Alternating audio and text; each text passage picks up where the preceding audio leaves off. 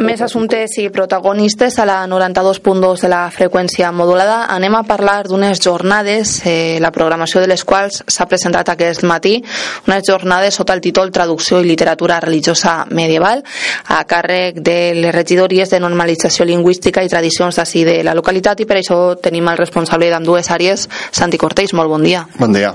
Doncs estem parlant d'unes eh, jornades que podríem dir faran història, sí, perquè eh, un dels reptes o dels objectius que ha tingut és eh, reunir a totes les confessions religioses que hi ha a Vilareal.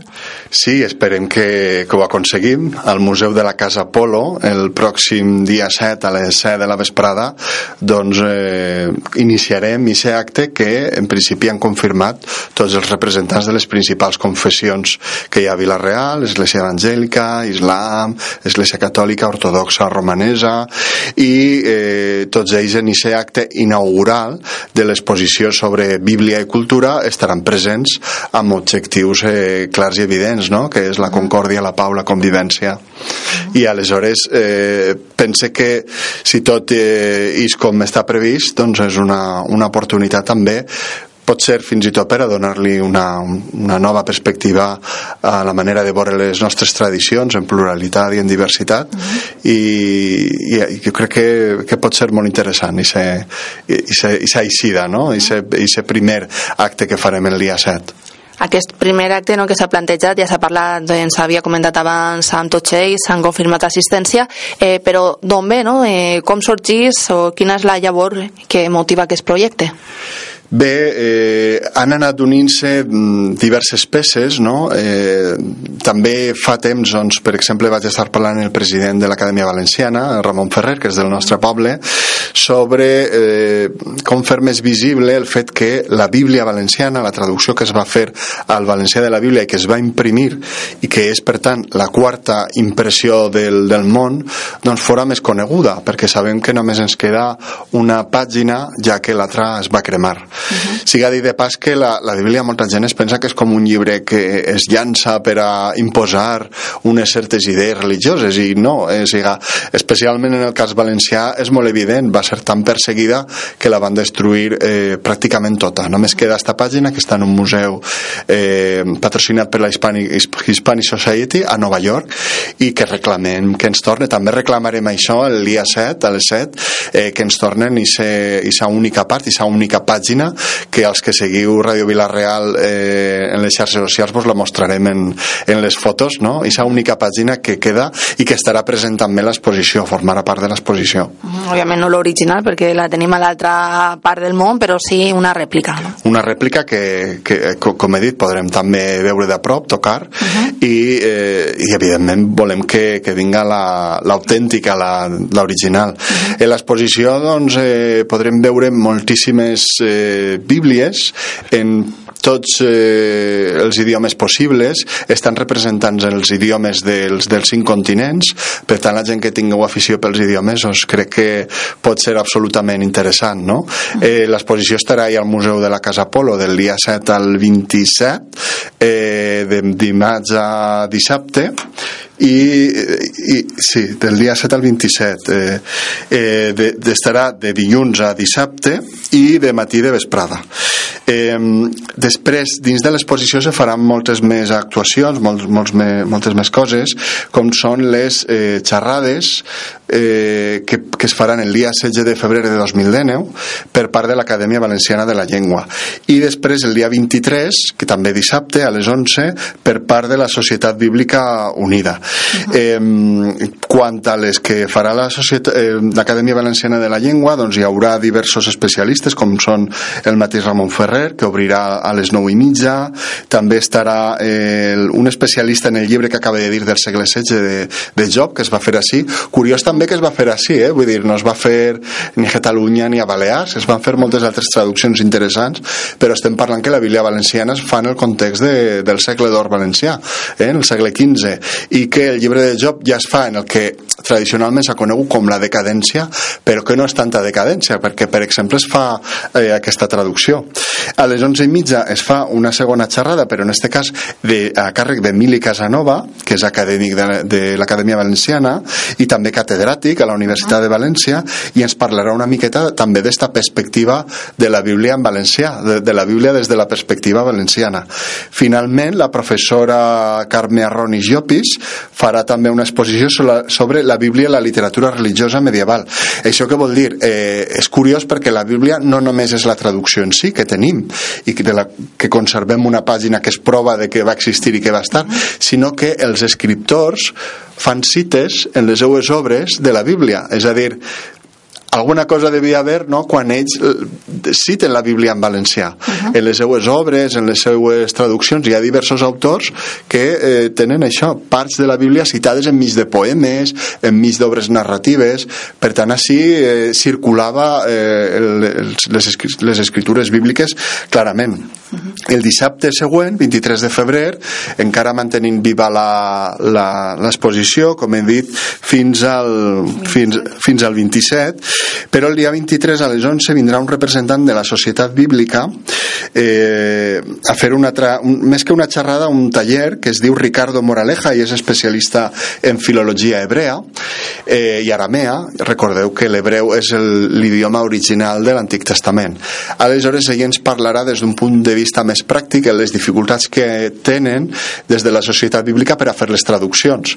La típica, típica, i ho he de dir perquè ja sabeu que sóc especialista en traducció qüestió que sol posar-se és el, el dilema de, per exemple, sabeu que el Corder de Déu representa Jesucrist perquè el van sacrificar uh -huh. i que antigament eh, es sacrificaven corders per a honorar a Déu i aleshores com ja no, fa, no calen sacrificis en el nou pacte se sacrifica Déu, per això se li diu corder de Déu no? perquè és el sacrifici, sacrifici antic que ja no fa falta perquè Jesucrist ja l'ha fet aleshores quan arribes a una cultura en la que no han vist mai un corder què fas en la traducció? -huh. no? pues en pel cas que han vist foques i no han vist corders. Aleshores, què dius? Quin animal utilitzes? Dius el pingüí o la foca de Déu o mantens el corder que no l'entendrà ningú? No? I aquestes disquisicions que se tenen a l'hora de fer una traducció, doncs jo crec que són molt interessants i probablement eh, amb Ricardo Moraleja les, les estudiarem.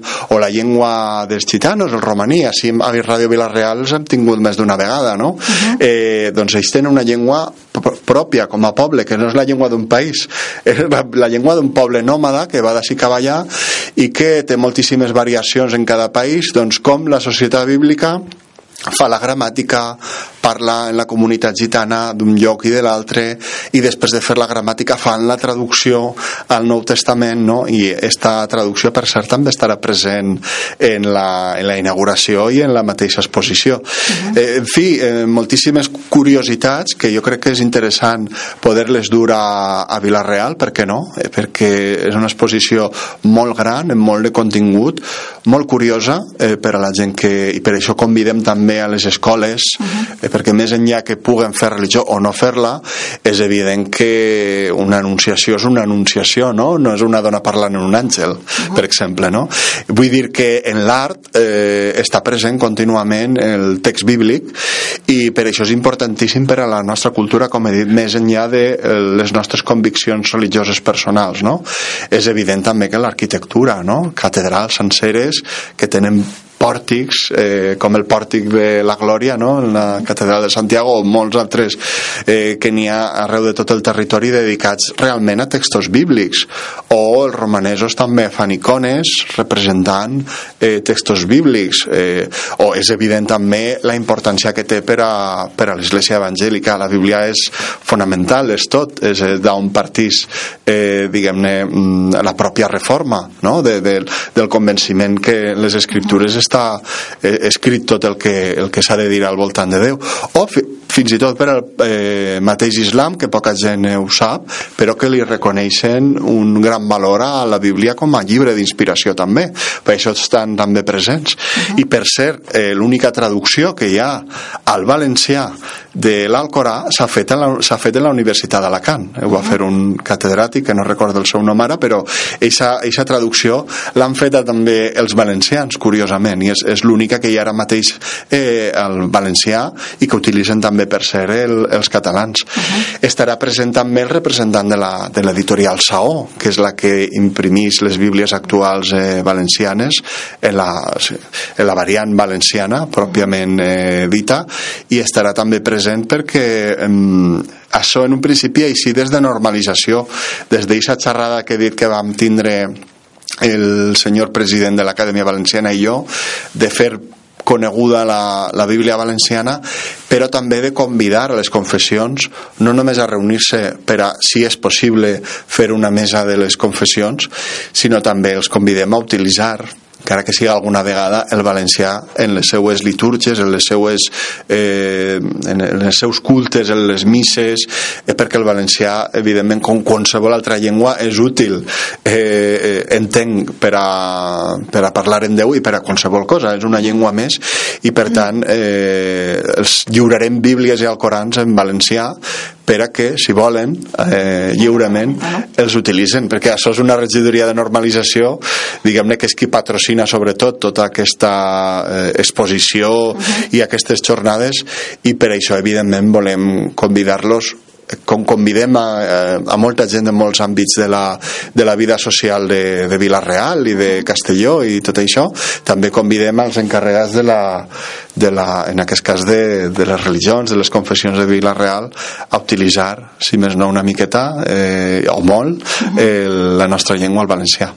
I no ho havia comentat, crec, ara en l'entrevista, si abans una altra de les peculiaritats de l'exposició és que n'hi haurà una Bíblia en braille, no? i que aquesta es podrà tocar, crec que ens havia comentat. Molt curiós, perquè ho parlava l'altre dia en el representant de Societat Bíblica i diu, home, sencera no, perquè són com unes taules i ocupa molt de lloc. Diu que alguna vegada la carregada, i això va en, en caixes grans, uh -huh. però sí, tindrem una part de la Bíblia en braille que la gent eh, la podrà tocar. Com a curiositat, eh, la gent que vinga banda de tots aquests idiomes dels cinc continents estarà per descomptat, com no pot ser d'una altra manera, el braille, perquè la societat bíblica es dedica una miqueta a promocionar que s'escampe, que la gent conega la Bíblia i evidentment la gent que no, no veu bé o que no veu en absolut doncs també té dret a, a llegir-la, poder-la llegir i per això també estarà present, per a que es conega esta, esta possibilitat. També ho dic com a professor de traducció, és molt interessant, jo ho he fet eh, moltes vegades, eh, molts dels teòrics de la traducció són realment eh, o venen de la, de la tradició bíblica o de la mateixa societat bíblica que estarà present perquè a banda de la disquisició del problema que he parlat en si diem corder de Déu o diem pingüí de Déu o coses així eh, hi ha moltíssimes eh, discussions sobre traducció que, que fan ells i que eh, les aprofitem després per a tot el que és la teoria de la traducció en la traducció eh, moderna. Per tant, interessantíssim per als que tingueu afició als idiomes. Hi ha bíblies escrites especialment per a les dones, en Alemanya vas veure una, vull dir, hi ha adaptacions, traduccions eh, fetes així, eh, per exemple, respectant el, el diguem-ne, que no hi hagi diferència de gènere en l'escriptura, coses així interessants que eh, crec que estan molt bé també quan estàs estudiant un idioma com tens el text, per exemple, en alemany i el tens en valencià i el compares, doncs això també pot ajudar molt a, a l'aprenentatge d'un nou idioma, per què no? A través dels textos bíblics. Uh -huh. Per tant, interessantíssim per als lingüistes, per a la gent eh, del món de l'art, de la cultura, de la llengua, de l'arquitectura... Uh -huh així que tots eh, aquests àmbits que poden estar eh, interessats, no? ser públic potencial, eh, havia comentat que un dels objectius és, per què no, a, a imatge de la de Castelló, tindre una mesa de confessions. Això què suposaria, considera vostè, per a Vilareal? Bé, com a... Nosaltres a Vilareal tenim aquesta consideració de, de poble, no? Ens sentim molt poble, però al mateix temps tenim, tenim moltes característiques urbanes i això ho demostra que pràcticament totes les confessions fonamentals o més importants de, de la vida moderna i del segle XXI eh, tenen representació a Vilareal, no? Aleshores, crec que pense que va ser hora que mm, fem alguna cosa, si més no, des de representants religiosos no només no han posat cap problema, sinó al contrari, que s'han interessat. I que això també representa una miqueta conèixer-nos a nosaltres mateixos. Pense, per exemple, últimament ha vingut molta gent de, de Romania, no? I aquesta gent té unes tradicions molt similars a les que poden ser pròpies de l'Església Catòlica, molt interessants, i que anunciaré alguna coseta més al respecte eh, més endavant, però que crec que està bé que ens coneguem uns als altres i que això també fa que ells ens coneguen a nosaltres al mateix temps que els coneixem nosaltres a ells. Igualment, eh, hi ha molta gent, evidentment, que ve del, del nord d'Àfrica, especialment del Marroc, i que té les seues pròpies maneres de veure la vida, que a vegades eh, a moltes persones es poden sobtar o fins i tot causar rebuig i convidar-los també a que entren ells en, en, en la nostra cultura, però sense diluir-los com una nina de sal, o sigui, respectant-la, però des d'un punt de vista de la convivència, jo crec que com a mínim eh, s'ha d'intentar. O l'Església Evangèlica, que porta així present des de la mateixa dictadura, vull dir, gent que va vindre des d'Andalusia, eh, en aquest cas en moviments interns dins del país, i que ha viscut eh, esta fe des de fa moltíssims anys i era bastant desconegut. Són gent del poble de, de tota la vida, però que practica, en aquest cas, la, mm, la confessió, practica la religió des del punt de vista evangèlic i que ha, ha estat present molts anys. Vull dir, van obrir la seva església durant la, la dictadura.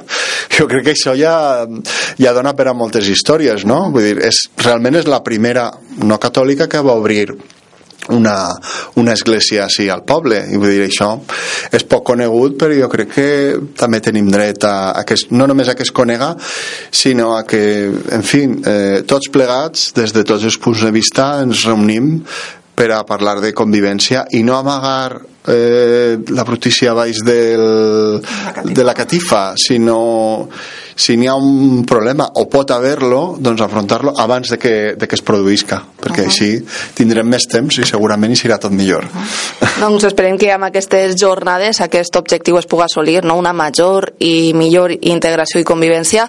Eh, doncs ho continuarem parlant, si li semblen, les properes setmanes, a mesura que s'apropen també la resta d'activitats, però sí que encoratjar a que ja a partir del eh, proper dijous la gent s'aprope a Casa de Polo, la resta d'activitats serà als Mondina i que puguen gaudir no, d'aquest treball. Sí, convidarà a tot el món des del mateix dia 7 fins al dia 27, com he dit, de dimarts a dissabte, de 10 a 1 a la Casa Polo i de 5 a 8 de la vesprà. Com he dit, també els dissabtes de vesprada hi haurà exposició, perquè el dissabte és un bon moment per a passejar amb la família i gaudir d'aquesta exposició. També a la gent que ens sent des d'altres eh, comarques o poblacions, doncs que acudisca a Vila-real perquè estem endinsats al mes de febrer en el mes de les festes fundacionals. Hi ha una fira medieval medieval també que probablement el regidor d'Economia eh, ja us anirà anunciant i explicant hi ha totes les activitats que habitualment tenim eh, des de tradicions i des de cultura també al voltant del, de les festes fundacionals i hi ha enguany també aquesta activitat. Per tant tenim activitat cultural i medieval a tope. Recordem que Vilareal encara que li queden poques restes medievals Vilareal és medieval, estava en època medieval. Per tant té història medieval i així ho exposem i així i per això convidem a tothom a que, a que vinga a l'exposició i a les jornades el dia 16 dissabte i el dia 23 també. Uh -huh. doncs esperem que vagi molt bé aquesta proposta regidor, moltes gràcies i fins a una setmana. Gràcies a vosaltres